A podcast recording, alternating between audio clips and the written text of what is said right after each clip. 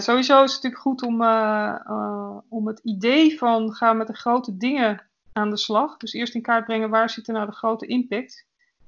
Dat idee geldt niet alleen maar voor je impact als consument, dus voor je top 10, maar ook voor je werk. Want daar kan je ook op zoek gaan van waar zit nou mijn grote slagkracht? Wat kan ik nou het beste gaan doen?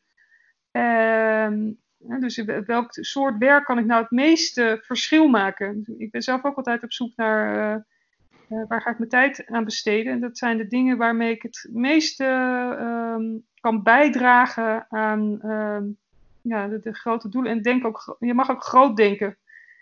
Ehm, dat, dat zou ik je ook mee willen geven. Denk groot en, uh, en, en probeer alles te overzien en dan grote stappen te zetten daarin. En als je daar een detail uitpakt omdat dat beter bij jouw persoonlijkheid past, of bij jouw passie, of bij jouw kwaliteiten, is dat ook prima. Maar het is wel altijd goed om dat in perspectief te zien van het grotere plaatje.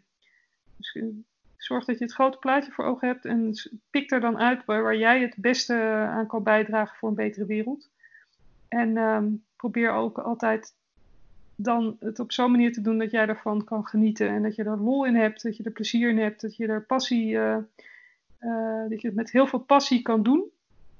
Want dan heb jij het het leukste en daar heeft de wereld ook het meeste aan. En dan hou je het ook lang vol en dan heb je er lol aan. En dan word je misschien zelfs een gelukkiger mens.